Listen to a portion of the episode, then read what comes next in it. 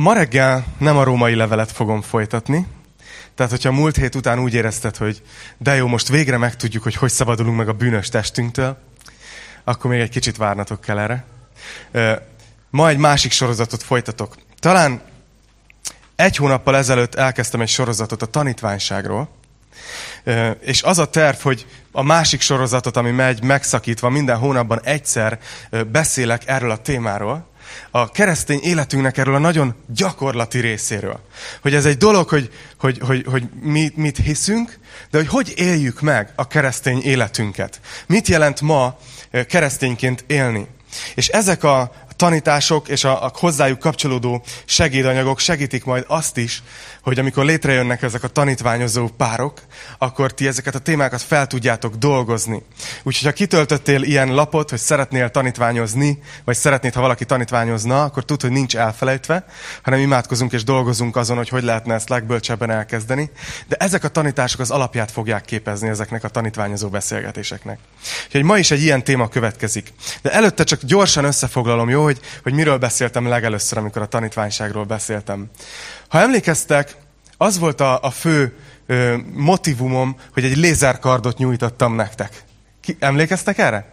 Ugye, a, a, a Star Wars-nak a hetedik epizódjából kiindulva, hogy azt mondom, hogy, hogy, visz, hogy visszahívtalak titeket abba az elhívásba, hogy mit jelent alapvetően Jézus követőjének lenni, mit jelent kereszténynek lenni. És arról beszéltünk, hogy az abcselben és az első időben gyakorlatilag az, hogy valaki keresztény volt, az annyit jelentett, hogy Jézus tanítványa. Sőt, nagyon sokáig nem is használták azt a szót, hogy keresztény, hanem csak úgy utaltak a gyülekezetre, hogy a tanítványok. Tehát amikor én rátok nézek, akkor azt mondom, hogy sziasztok tanítványok. Mert mi mindannyian Jézus tanítványai vagyunk. És ha emlékeztek, akkor négy dolgot mondtam erről, hogy mit jelent tanítványként élni. Az egyik az volt, hogy aki tanítvány, az tanulni szeretne. Bármilyen alapvetőnek tűnik, de ha te Jézus tanítványa vagy, akkor le kell vetkőznöd azt, hogy én tudom már a dolgomat. És úgy kell újra és újra Isten elé jönnöd, hogy Uram, mit akarsz nekem újat tanítani? Aztán mondtam azt a második pontként, hogy a tanítvány az változni akar. Ez a tanulás, amiben mi vagyunk, ez nem egy elméleti. Nem egy ilyen szerzünk egy papírt arról, hogy keresztények vagyunk. Hanem egy olyan tanítványság, ami az életünket, az egész életünket átformálja. A harmadik, amiről, amiről beszéltem, az az, hogy aki tanítvány, akár egy iskolában, az vállalja ez ezzel járó elkötelezettséget és a költségeket. És tudjátok, mondtam ezt, hogy a kegyelem ingyenes, de a tanítványság az sokszor fizetős. Az, hogy te most itt ülsz, és nem mondjuk még most fordulsz a másik oldaladra kényelmesen az ágyikódba, miközben a halk zene szól, és ott, ott figyel a kis asztalodon egy kávé melletted. Na, most többen megbántátok, hogy gyülekezetbe jöttetek. De a lényeg az az, hogy annak azért ti áldozatot hoztok, hogy tanulni tudjatok. És ez, és ez szükséges része, Jézus beszélt erről. És a negyedik, amiről beszéltem, hogy mindezt azért tesszük, mert aki tanítvány, az alárendeli magát a mesterének. Az szereti Jézust. És, és tudja, hogy, hogy ő nem csak egy olyan tanár, hogy kiképezték valahol, hanem azért a mesterünk, azért merünk neki teljes tiszteletet adni, mert az életét adta odaértünk. Amit ő mond, azt nem a levegőbe mondja, hanem azért mondja, mert elkötelezte magát a mi javunk mellett. És szeretné, hogyha azt a teljes életet élnénk meg, amiért ő az életét adta. És ezért nem úgy vesszük a tanácsait, hogy, hogy szelektálunk, vagy, vagy vajon ezzel mit akarhat, vagy miért akar minket ilyen helyzetbe hozni, hanem tudjuk, hogy a szándéka a legjobb felénk. Úgyhogy e, erről kezdtünk beszélni a tanítványság kapcsán. És Ma is egy, egy újabb témát szeretnék hozni, az előző az inkább bevezető volt. Ma már egy olyan konkrét témát szeretnék hozni, amit valószínűleg, hogyha a tanítványozó kapcsolatban leszel, akkor át fogsz beszélni a másik emberrel. És szeretném bevezetni ezt a témát. Engem mindig lenyűgözött a, a sport világa. Igaz? Úgy vagyok vele egyébként, mint Petőfi, hogy tán csodállak ám, de nem szeretlek. Tehát, tehát a félreértés ne essék. Tehát ha rám nézel, és azt mondod, hogy persze sport, jól látod. Tehát a, sportolni annyira nem szeretek, de, de viszont csodálom a sportolókat. Csodálom, amikor, amikor így, így látjuk a, a tévébe, hogy, hogy így hogy neki feszülnek, és, és ami nagyon furcsa nekem, hogy, hogy versenyeznek, mondjuk képzeljétek el egy, egy nem tudom, egy, egy, egy, egy sprintet, vagy tehát egy, egy rövid távú futó számot, és hogy ugye pá, egy percig se tart talán az egész megmérettetés, de arra az egy percre ő két hónapot, vagy több hónapot edzett, igaz? Az egész élete benne van abban, hogy ő kész legyen arra a megmérettetés. És annyira durva, hogy a végén ilyen egy-két, tehát ilyen, ilyen a, a másodpercnek a töredéke a különbség, ami végül kialakul egy-egy versenyző között. Hogy ennyit számít.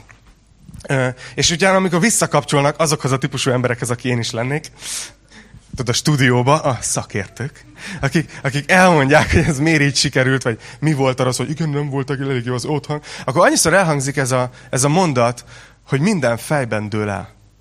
Hogy a mentális készültség milyen fontos. Hogy, hogy igazából szinte fontosabb az, hogy mennyire tud egy sportoló odafókuszálni arra, amit csinál, mint maga az, hogy most konkrétan milyen erőnlétbe van. És amikor Jézus elkezdte a szolgálatát, akkor le van írva azt, hogy, hogy ő, ő mi volt az az üzenet, amit hirdetett. És azt fogjuk látni, hogy kapcsolódik ehhez, hogy ugyanígy van a keresztény életben is. Hogy minden fejben dől el.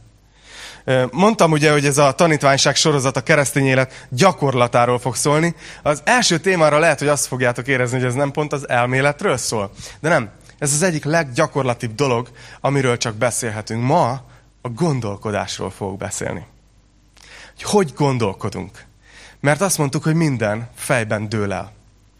Jézus, amikor elkezdte a földi szolgálatát, elindult, a, ugye bemerítkezett, és elkezdte a nyilvános szolgálatát, akkor le van írva, hogy mi volt az az üzenet, amit ő elkezdett hirdetni. Azt mondta, Máté 4.17-ben van ez leírva, hogy ettől fogva kezdte Jézus hirdetni, térjetek meg, mert elközelített a mennyek országa.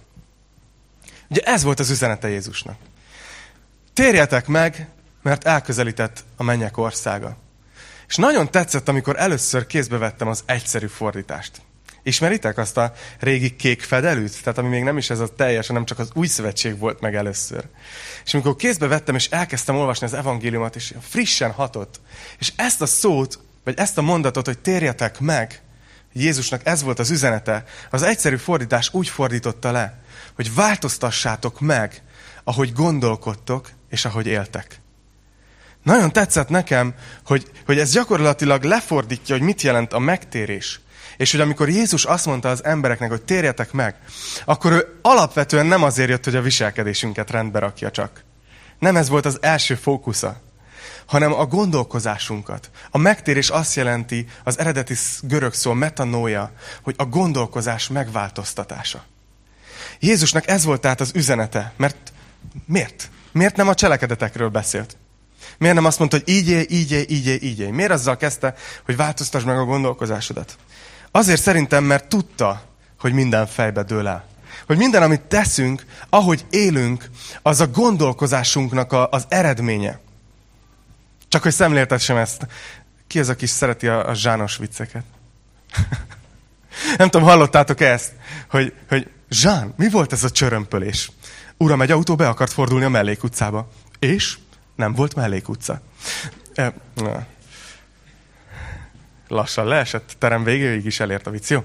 Szóval, a lényeg az, hogy ugye itt ennek a viccnek az a lényege, hogyha a fejedben az van, hogy itt van egy mellékutca, akkor még képes is vagy befordulni. És lesz belőle csörömpölés.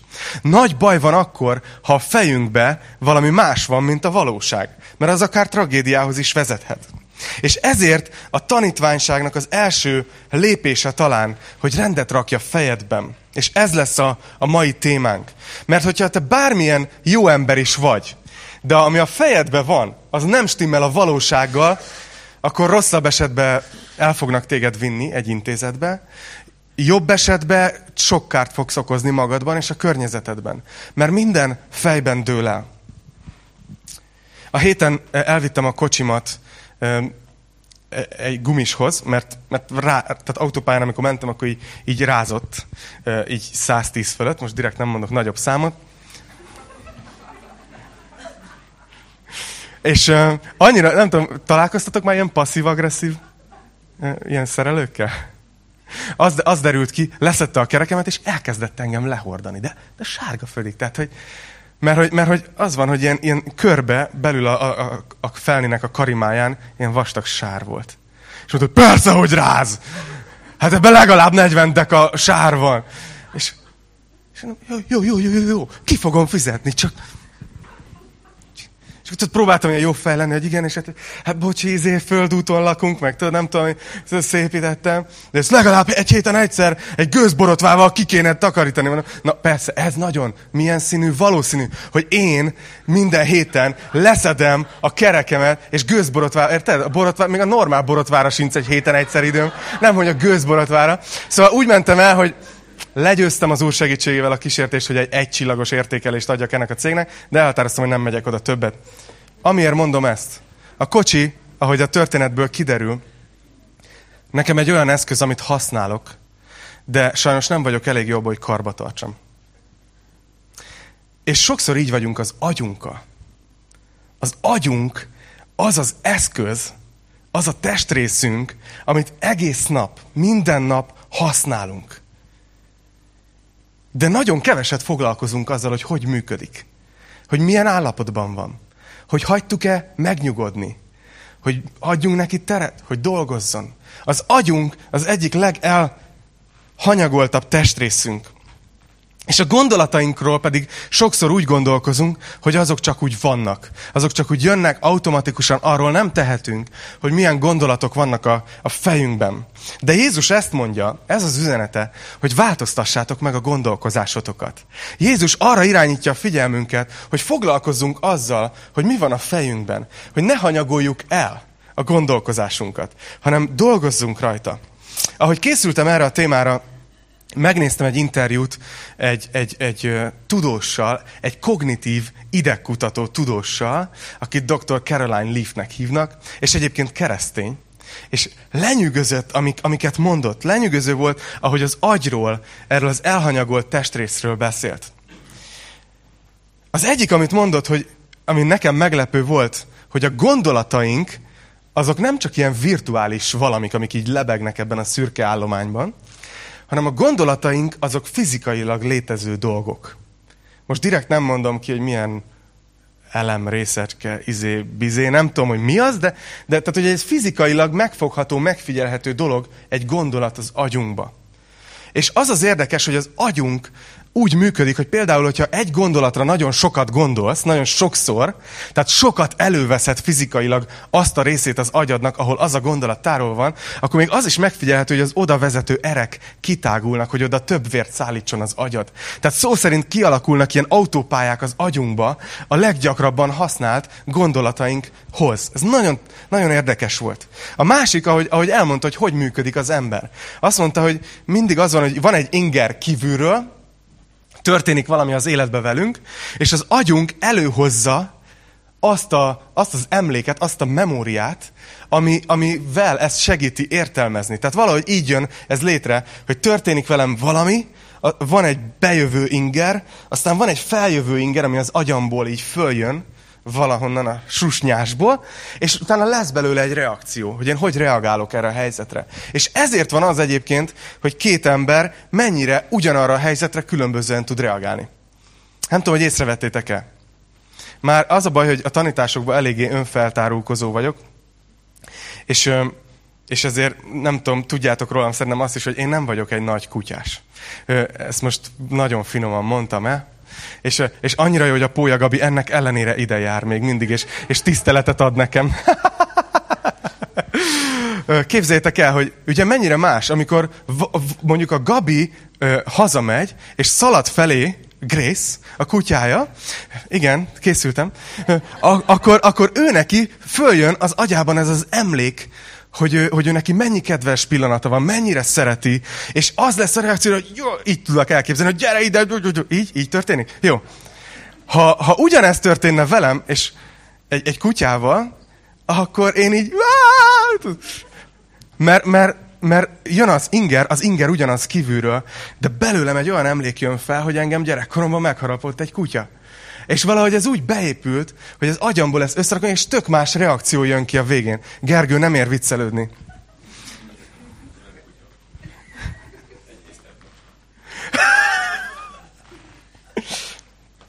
Miért beszélek erről? Mert ha, ha ez igaz, akkor Jézus nem véletlenül mondja ezt, hogy változtassuk meg a gondolkozásunkat.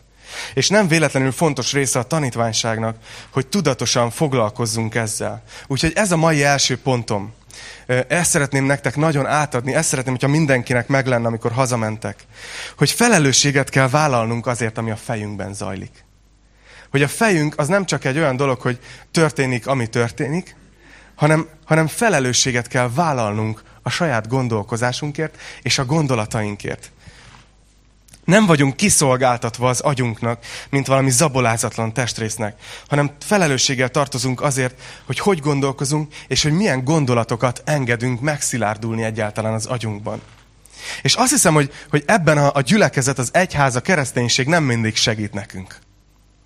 Mert hozzászoktatott minket, hogy, hogy hogy is fogalmazzam ezt szépen, hogy ha rosszul gondolkozok, az nem az én hibám az, az, az a kísértőnek a hibája. Mert ő teszi a fejembe a rossz gondolatokat. Hozzászoktatott minket az áldozat mentalitáshoz. Hogy olyan életem volt, rossz életem volt, rossz körülményekben nőttem fel, és teljesen rendben van, hogy így gondolkozok, nem tehetek róla. Áldozat vagyok. De Jézus nem véletlenül jön, és azt mondja, hogy, hogy változtassuk meg a gondolatainkat. És azt tanítja, hogy hatalmunk van a gondolkozásunk felett. És nem csak Jézus, hanem Pál is ezt mondja. Nézzétek, a 2 Korintus 10-ből szeretnék felolvasni nektek három verset, a harmadik verstől. Azt mondja Pál itt 2 Korintus 10, hogy mert testben élünk, de nem test szerint hadakozunk.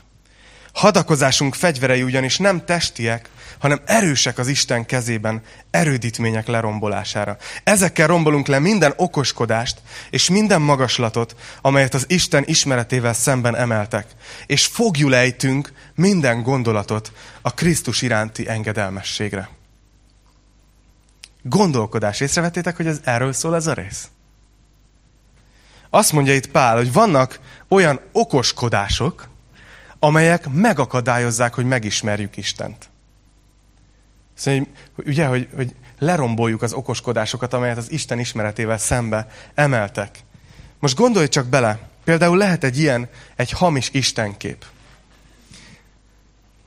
Például, hogyha egy kereszténynek az Isten képe nincs a helyén, tehát Istenről, ahogy gondolkozik, az nincs rendben. Például úgy látja, hogy Isten alapvetően egy haragos, büntető Isten felénk, keresztények felé. Aki, aki nagyon nagy elvárásokkal van felénk, és ha mi nem teljesítünk jól, akkor lesújt. Hogy fogsz imádkozni? Hogy fogsz közel kerülni az atyádhoz? Hogy fogod őt megismerni? Valószínűleg nem fogod őt jól megismerni, mert félsz tőle.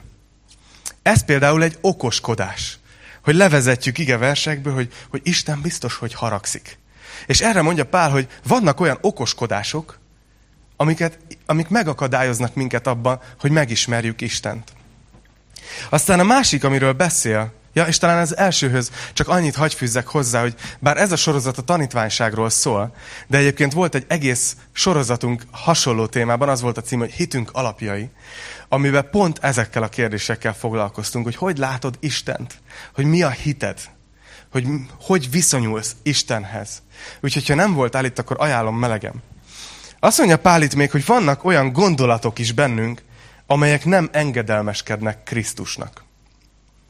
Ugye, sokféle gondolatunk van, ott van, a, ott van a, a, a kultúra, hallgatjuk a zenéket, nézzük a filmeket, mindent, ami, ami ér minket, behatásként, abból mi gondolatokat formálunk, és ezért sokféle gondolat kering a fejünkbe.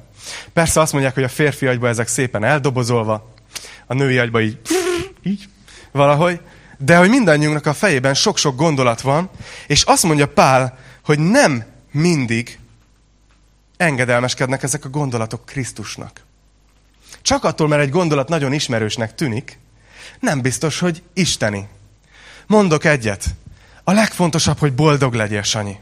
Ez az életed célja. Ismerősnek hangzik, igaz? Mert ez jön a filmekből, ez jön a zenékből, sokszor még keresztényektől is. De ez a gondolat például nem engedelmeskedik Krisztusnak. A Biblia sehol nem mondja, hogy az lenne az életünk fő célja, hogy boldogok legyünk. Sőt, az a paradoxon van, hogyha erre teszed fel az életedet, hogy a boldogságot hajkurázd, akkor ott leszel előbb-utóbb üresen, mert semmiben nem fogod megtalálni. Hanem a Biblia azt tanítja, hogy amikor te átadod az életedet arra, hogy dicsőítsd azt, aki egyedül méltó erre, akkor a boldogság melléktermékként megjelenik. Olyan, mint hogyha ezt hajtod, akkor elveszted. De ha Istent keresed, akkor megtalálod. Látjátok, és azt mondja Pál, hogy van sok ilyen gondolat, ami lehet, hogy nagyon népszerű a filmekből. Az igazi, a másik kedvencem. Ő nem az igazi. Lehet, hogy ő az igazi. Lehet, hogy ő nekem van számva, vagy nem nekem van számva. Párválasztás és egyéb nehézségek. A Biblia erről sehol nem beszél, hogy Isten szánna valakit valakinek például. Ha két keresztény ember az Úrhoz közel él, akkor valahogy meg fogják oldani az együttélés szeretetbe. És ez Hollywood így tök jól elültette a fejünkbe, hogy keresd az igazit, meg a Pepsi, vagy a Coca-Cola, járj az igazival. Ilyen nincs. Ez egy olyan gondolat, ami nem engedelmeskedik Krisztusnak. És vannak, azt mondja Pál, ez a harmadik, és mindjárt megyünk tovább, azt mondja, hogy vannak okoskodások, vannak gondolatok, és azt mondja, nézzétek, hogy vannak erődítmények is. Azok olyan, én úgy értem, hogy olyan gondolatkörök, gondolatrendszerek, amin keresztül konkrétan az ellenség befolyásolja az életünket. Na most én, tudjátok, én nem hiszek abba, hogy egy keresztény emberben démon lehet. Mert én azt gondolom, hogy a szívünk az nem egy hotel, hogy egyik szobában Jézus, a többi szobában meg mindenféle szellemek. Én nem látok a Bibliában egyetlen olyan esetet sem, amikor Jézus vagy az apostolok egy hívő, megtért emberből démont űztek volna. Tehát amikor valaki azt mondja, hogy tudod, imádkozzatok, értem, hogy megszabaduljak a csoki evés démonától, az nem a csoki evés démona, hanem szereted a csokit. De azt látjuk az igében, hogy viszont a gondolatainkon keresztül az ellenség tud minket befolyásolni.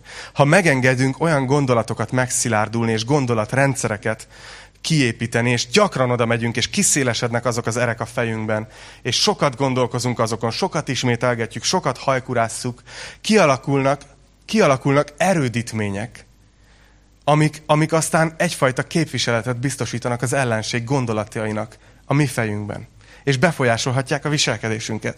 És Pál azt mondja, hogy nekünk a fegyvereink azok nem testiek, hanem mi leromboljuk ezeket. Hanem lelkiek, és mi leromboljuk ezeket az erődítményeket. De a gondolatainkon keresztül folyamatosan zajlik egy hadviselés.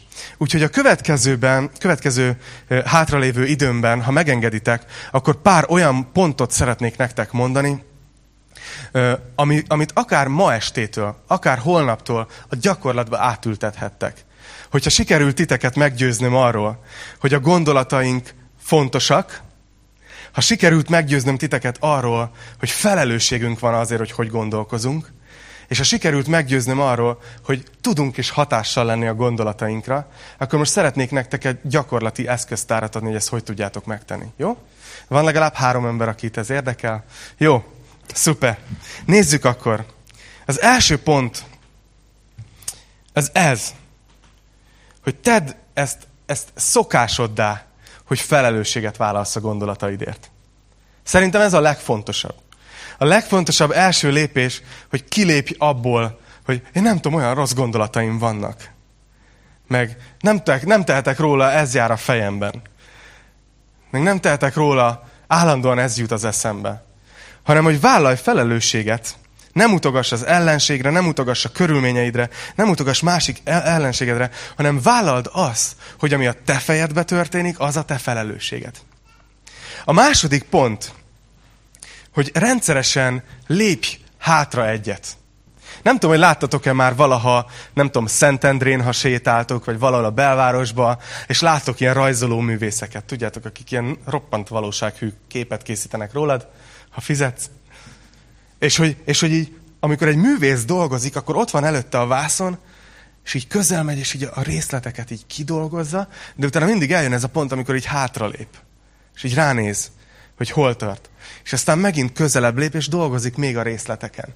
És valahol ezt kell nekünk tennünk a gondolatainkkal, hogy rendszeresen egy kicsit hátralépni.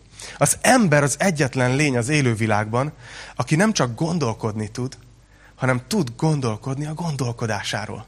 Ez, ez szerintem az isteni természetnek a lecsapódása bennünk.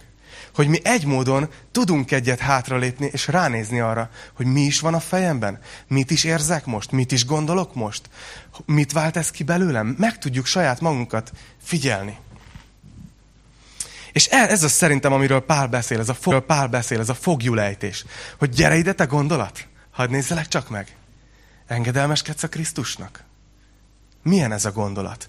És azt mondja, ejtsük fogjul, ne engedjük csak úgy szárnyalni. És azt hiszem, hogy számunkra, tehát nagyon érdekes, hogy most erről a dologról úgy érzem sokszor, hogy a világ többet tud, mint a keresztények. Mert egy egész mozgalom épült fel a mindfulnessre, meg erre, meg erre a meditációra, meg minden ilyesmire, ami, ahol ezt tanítják igazából, hogy legyen minden nap időd arra, hogy egy kicsit elcsendesedsz, és figyelsz, hogy mi van belül. A keresztényeknek ez 2000 éve ott van a Bibliában. Úgy hívják, hogy ima. Az ima az nem egy bevásárló lista, hogy megyek és jó reggelt, uram, erre lenne szükségem, erre, meg erre, meg erre, meg erre. És majd lesz egy külön tanítás az imáról a tanítványságon belül. De most talán csak ennyi, hogy próbáljátok ezt ki. Hogy legközelebb, amikor imádkoztok. Ja, köszönjetek be az Úrnak, de aztán engedjetek időt, hogy csak csöndbe legyetek előtte. Olyan, én ezt úgy érzem, amikor ezt teszem, hogy felfrissülök. Mert fogom a gondolataimat, és tudom, hogy ott van Isten jelenléte, ő figyel rám, tudom, hogy szeret. És kiteregethetem a gondolataimat, hogy igen, ezzel küzdök, ez egy visszatérő gondolat, és így odahozom az ő jelenlétébe a gondolataimat. És hátralépek vele együtt egy lépést. Hogy akkor nézzünk rá erre, hogy mi is van a fejemben. Hihetetlenül jó dolog, és szerintem ez történik például a Zsoltárokban. Amikor Dávid azt mondja, és szoktuk ezt a dalt is énekelni, meg van zenésítve többféle módon. Amikor Dávid azt mondja, miért csüggetsz el, én lelkem? Hogy Dávid odament Isten jelenlétébe, és, és elkezdi boncolgatni a saját érzéseit, a saját gondolatait. És azt mondja, aha, el vagyok csüggedve. És azt mondja, miért? És keresi az okát. De Isten jelenlétébe teszi ezt. És emiatt gyógyító. Emiatt gyógyító. Próbáljátok ki ezt. De az első pontom az volt, hogy vállalj felelősséget, hogy mi történik a fejedben. A második az, hogy rendszeresen lépj hátra egyet. És a harmadik, még nem az utolsó, szinkronizáld magad Isten gondolatával. Nem tudom, hogy ti hogy vagytok vele, ha okostelefont használtok, akkor biztos tudjátok, hogyha mondjuk egy ideig olyan helyen vagytok, hogy nincs wifi, ami... Eh, ezt most nem mondom el, ami eszembe jutott. Eh, na, nem. Szóval a lényeg az, hogy tudjátok, hogy a felhőből töltünk le dolgokat általában, és amikor nincs wifi, akkor ugye előbb-utóbb az adatbázis, ami a telefonunk van, telefonunkon van például az e-maileinkről, akármiről, az ugye nem teljesen friss, hanem elavulnak dolgok rajta. És csak akkor frissül újra, amikor újra csatlakozunk a szerverhez. Az agyunk is egy kicsit ilyen, hogy nagyon sok terület van, ami ránk hatással van. És ez befolyásolja a mi adatbázisunkat, ami itt van a fejünkben. És ezért nagyon fontos az, hogy, hogy, hogy minden nap, vagy minél gyakrabban szinkronizáljuk magunkat, frissítsük, csatlakozzunk a szerverhez, és frissítsük az adatbázisunkat. Hogy engedjük meg, hogy Isten igéje, az így letöltse belénk, hogy Isten hogy gondolkozik. Ugye, mielőtt imádkozunk, talán a legideálisabb, hogyha olvasol egy pár verset a Bibliából. És, és ugye nem úgy teszed ezt, hogy Attila ezt tanította, én pedig szeretnék jó keresztény lenni, úgyhogy Bibliát kell olvasnom minden nap. Ha valaki vallásos kötelességből olvassa a Bibliát, szerintem inkább csukd be. Mert káros lesz. Hanem amikor úgy olvasod a Bibliát, hogy, hogy Uram, csak jövök a szerverhez, hogy töltsél le valamit, frissítsd az adatbázisomat, hogy, hogy úgy lássam a dolgokat, ahogy te látod. És én azt tapasztaltam meg, hogy még amikor így tök feldult vagyok, mondjuk haragszok valakire, vagy stresszes vagyok, vagy igen, e, e, ezekkel szoktam küzdeni leginkább, és, és csak nem is tudatosan, nem is, nem is elemezgetem a Bibliát, nem is boncolgatom, hogy ez itt most milyen görög szó, hanem csak így mondjuk olvasok egy jó, jó pár percet. És egy olyan belső békesség lesz bennem, amiből utána teljesen máshogy reagálok. Mert frissítettem az agyamat azzal, amit Isten gondol. ami az ő gondolata. Jézusnak nem volt problémája azzal, hogy, hogy átírja, vagy foglalkozzon ezzel, ugye az emberek gondolkozásával. Simán tanította azt, hogy, hogy miért aggódtok meg, mert ha madarak nem aggódnak, akkor ti miért hiszitek azt, hogy rólatok nem gondoskodik az Isten, meg csomó ilyen gondolata volt Jézusnak, amikor az emberek gondolkozását kihívta. És azt mondta, hogy nem úgy gondolkozol erről a területről, ahogy én. Pálnak sem volt gondolata. Sőt, Ugye mondta a Róma levélben, hányszor olvastuk mostanában, hogy gondoljatok magatokra úgy, mint akik meghaltatok. Megint a gondolkozásról beszél. Vagy itt van ez, Pálnak szerintem a legszerényebb hashtag szarkazmus versei ezek, Filippi levél harmadik részében, 13-tól 15-ig. Azt mondja, megfigyelhetjük, hogy Pál hogy gondolkozik, és a legvégén lesz a, a csattanó. Azt mondja, testvéreim, én nem gondolom magamról, hogy már elértem a célját, arról beszél de egyet teszek, ami mögöttem van, azt elfelejtve, ami pedig előttem van, annak nekifeszülve futok egyenest a cél felé. Isten mennyei elhívásának Krisztus Jézusban adott jutalmáért. Ezt mondja Pál, hogy ez az ő gondolkozás módja. Hogy ő tudja, hogy még nem érte el a célját, de ami mögötte van, azt elfelejti, és ami előtte van, annak neki feszül és fut egyenesen a cél felé. És utána ad egy tanácsot. Azt mondja, hogy akik tehát tökéletesek vagyunk, így gondolkozzunk. Hát most nem tudom, hányan értitek magatokat bele ebbe, de én gondolom, hogy Pál úgy gondolta, hogy írja, hogy Jézus Krisztusban Isten tökéletessé tett minket. És azt mondja, hogy ha te így vagy, Krisztusban vagy, akkor te gondolkozz így.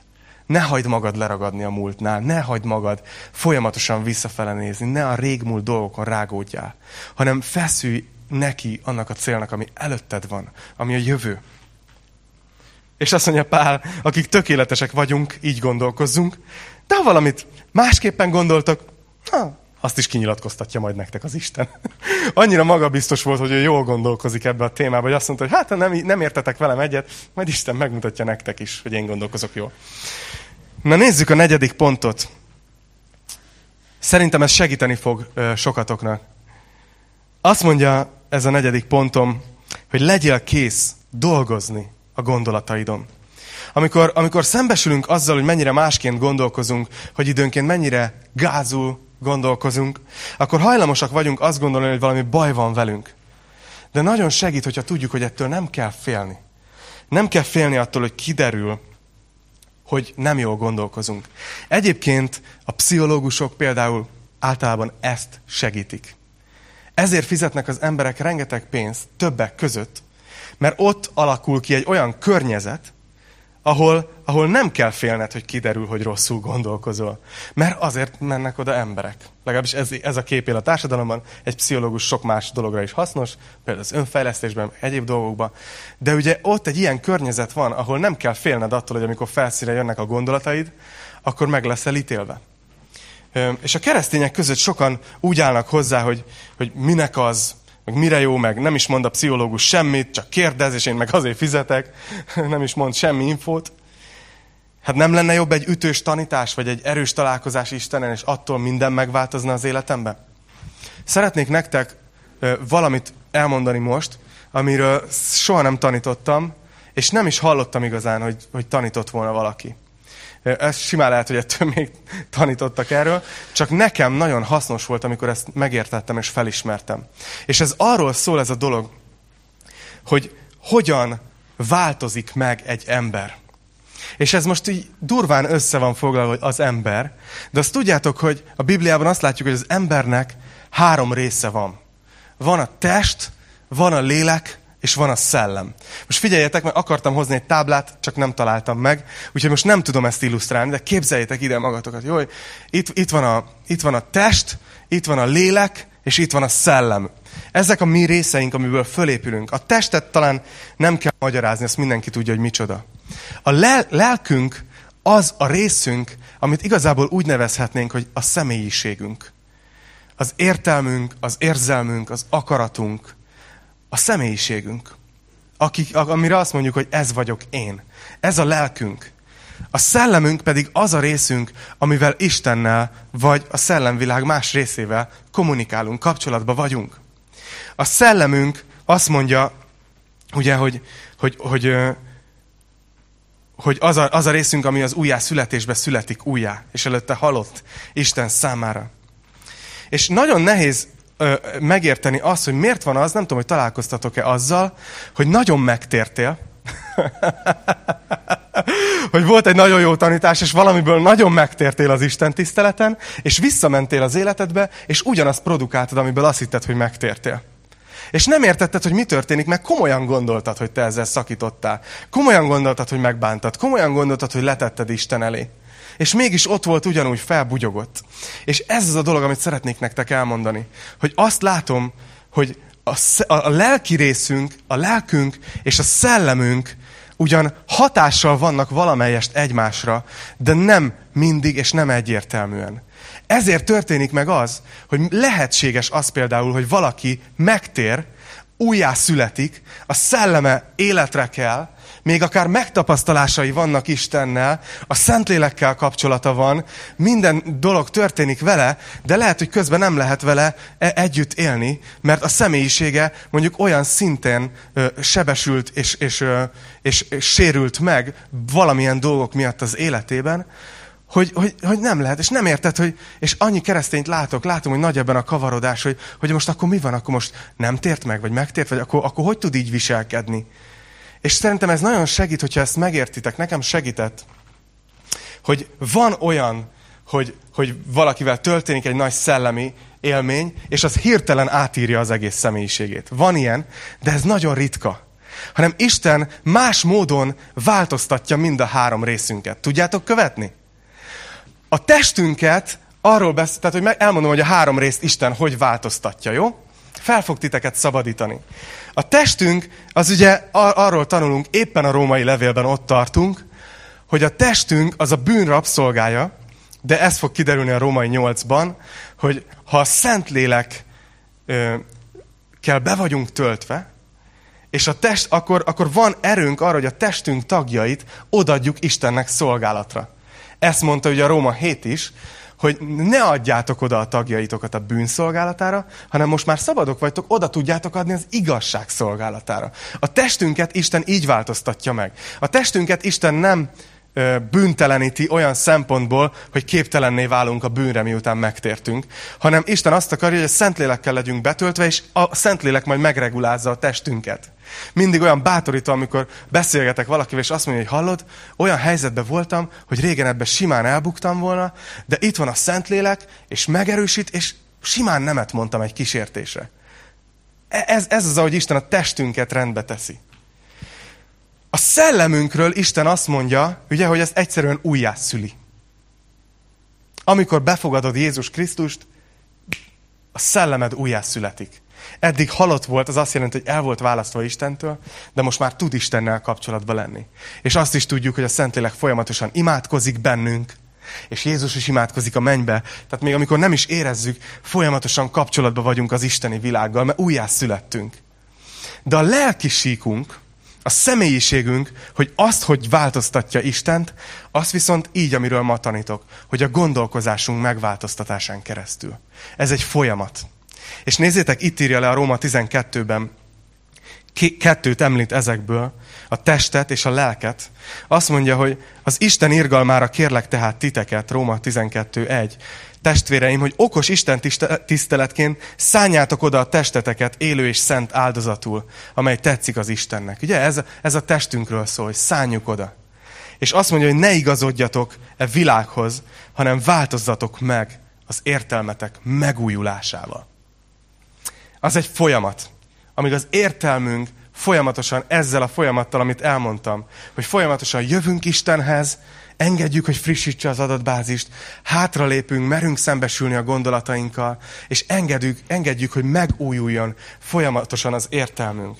Az értelmünket így változtatja meg, és csak egy apró részlet, hogy érdekes, hogy ezt mondta ez a, ez a kognitív ideg, mit tudom én, milyen tudós, hogy egy gondolat, amikor megvan a fejedben, ha mondjuk minden nap visszatérsz rá, mondjuk nyolc napon át, tíz napon át, de utána nem emlékezteted magad, akkor dematerializálódik. Így hő lesz belőle, és így puh, elindul.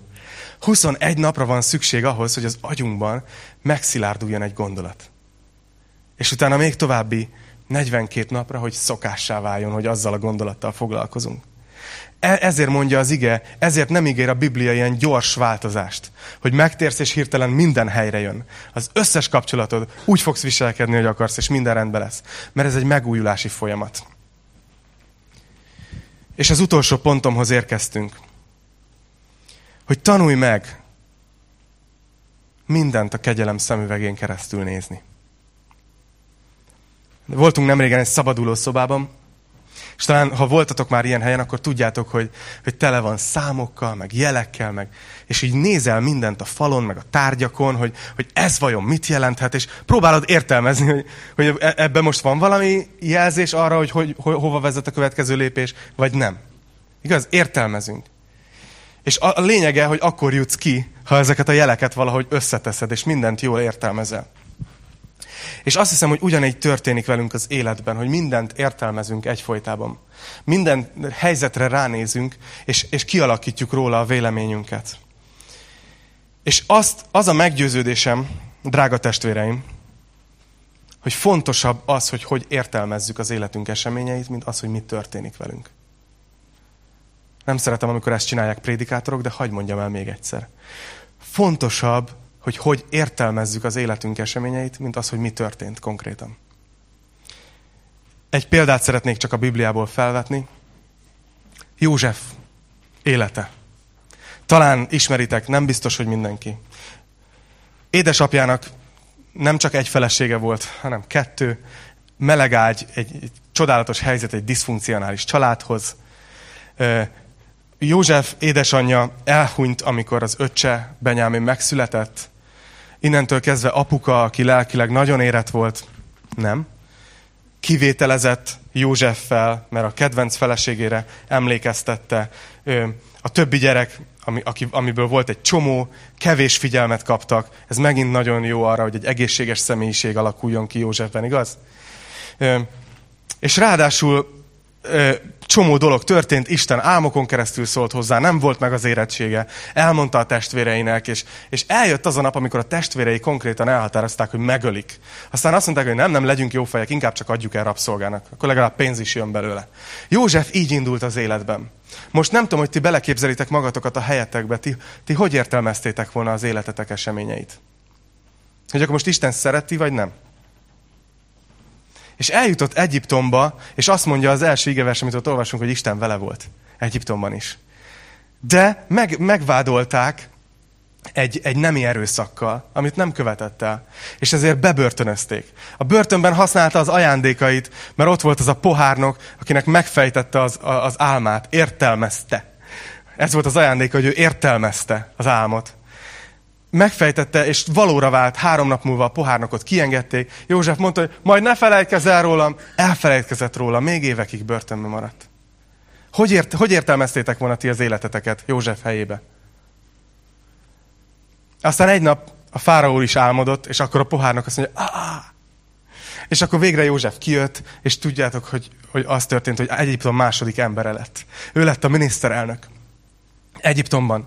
És eljött a nap, amikor azok a tesók, akik meg akarták ölni, aztán csak eladták rabszolgának, megjelentek, hogy élelmet vegyenek maguknak. És József felügyelte az egész élelmezést Egyiptomban. És amikor jöttek, ők nem ismerték föl Józsefet, de ő felismerte őket. És itt látjuk azt, hogy Józsefnek nem csak az álmok értelmezéséhez volt ajándéka, hanem ahhoz is, hogy az életét értelmezze. Amikor fölfedi magát a testvérei előtt, akkor azok így most fog megölni minket az öcsi. Tehát, hogy most biztos, hogy bosszút áll rajtunk. És ott van ez a zseniális vers. Azt mondja, 1 Mózes 50-ben van ez, olvassátok el. 20. verstől azt mondja a testvéreinek, hogy ti rosszat terveztetek ellenem. De Isten terve jóra fordította azt, hogy úgy cselekedjék, ahogy az ma van, és sok nép életét megtartsa. Most hát ne féljetek. Eltartalak titeket és a gyermekeiteket. Így vigasztalta őket, és szívhez szólóan beszélt velük. Mekkora történet ez? itt van egy ember, akivel a legdurvább dolgok megtörténtek az életbe. Nem tudom, hogy ki akarna közülünk versenyezni vele, hogy nehéz életünk volt. Hogy, hogy gázoltak át rajtunk emberek, hogy ért csalódás, hogy nem ideális körülmények között nőttünk fel, hogy rossz dolgok történtek velünk. Ki akarna versenybe szállni Józseffel? És József úgy értelmezte ezt, hogy azt mondja, hogy ennek ellenére Isten jónak látta, hogy ezt jóra fordítsa. Ő a kegyelem szemüvegén keresztül nézett magára. És ha ő így tudott nézni magára, mennyivel inkább nekünk, nekünk megvan ez a lehetőségünk. És ezért bátorítalak titeket erre, hogy az Isten képeteket, az identitásotokat ebből vezessétek le. Hogy Isten áldottai vagytok, hogy Isten szeretett gyermekei vagytok. Hogy Isten hűségének a letéteményesei vagytok. És mindjárt befejezem, látom, hogy néhányan így fészkelődtök. Lehet, hogy azt kérdezed, hogy ez nem agymosás? hogy történik velem mindenféle gáz dolog, és én folyamatosan azt mondom, hogy nem baj, nem baj, Isten jót hoz ki ebből. De, agymosás. Csak arra szeretnélek biztatni titeket, hogy ne féljetek az agymosástól. Ebben az értelemben. Mert a Biblia azt tanítja, hogy a gondolkozásunk szennyezett. És bizony tisztára kell mosni. Bizony tisztára kell mosnunk. Mert Jézus nem az agyunkat mosta ugyanát, de a bűneinket azt vakító fehérre mosta. A kereszten elvégezte azt az áldozatot, ami minden egyes dolgot az életünkben más színezetbe helyez. Ott bizonyította be minden kétséget kizáróan, hogy szeret minket. És hogy akármi történik a földi életben, a mennyben készíti számunkra a helyet. És ha te így éled az életedet, hogy tudatosan felelősséget vállalsz azért, hogy hogy gondolkozol, akár magadról. És azt mondod, hogy igen, a véráram az oda megy, mert nagyon sokat gondolkoztam ezen, hogy mennyire értéktelen vagyok, mennyire nem vagyok jó semmire, mennyi hibám van, mennyire nem tud velem Isten mit kezdeni, mennyire nem hiányzok senkinek, és egyszer csak ránézel a keresztre, és hagyod, hogy ez átmossa Jézus vére az agyadat. És azt mond, hogy csak annyira vagyok fontos, hogy a mindenható a saját fiát odatta értem. Csak annyira vagyok fontos, hogy a mindenható fia elment, és azt mondta, hogy helyet készít nekem. És nagyon fancy lesz, mert 2000 éve csinálja. Az, az durva, hogy rám mi vár, hogy milyen jövő vár. És az, hogy mi történik ebbe a 60, 70, 80 évbe. Talán nem kap más színezetet, hogyha így gondolunk erre. Úgyhogy ezért szerettem volna ma erről tanítani nektek, és remélem, hogy sikerült bátorítanom titeket hogy vállaljatok fejet, a felelősséget azért, ami a fejetekbe történik. Engedjétek, hogy felszíre jöjjenek a gondolataitok. Mossátok át Isten igéjével. És tanuljatok meg mindent a kegyelem szemüvegén keresztül. Nézni. Óriási kiváltság, hogy így élhetünk. Imádkozzunk. Úr Jézus, köszönöm neked, hogy az igéd még azt is írja, és ez most, most jutott eszembe ez az igevers, hogy, hogy te a, az előtted lévő örömre tekintettél, ezért vállaltad a keresztet. Nem néztél a szenvedésre, ami hirtelen előtted volt. Uram, hogy te mennyire tudtad értelmezni az eseményeket az életedben. Hogy a gondolkozásod mennyire letisztult volt.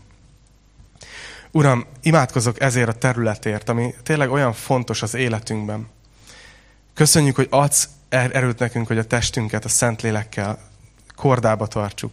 Köszönjük, hogy újjászülted a szellemünket, és hogy kapcsolatban vagyunk veled, Uram. De köszönjük azt is, hogy te bíbelődsz a személyiségünkkel, bíbelődsz a lelkünkkel, az énünkkel.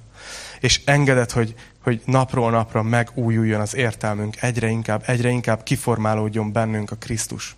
Az a gondolkozás, ahogy te éltél. Jézus, kérlek, hogy segíts ebben minket. És imádkozom azért, Uram, hogy, hogy segíts abban is, hogy mi gyülekezetként egymást tudjuk támogatni ebben. Hogy így segíteni egymást jól gondolkozni, Isten szerint gondolkozni. Kérlek, Uram, segíts, hogy növekedhessünk a tanítványságnak ebben a területében. Jézus nevében. Amen. Amen.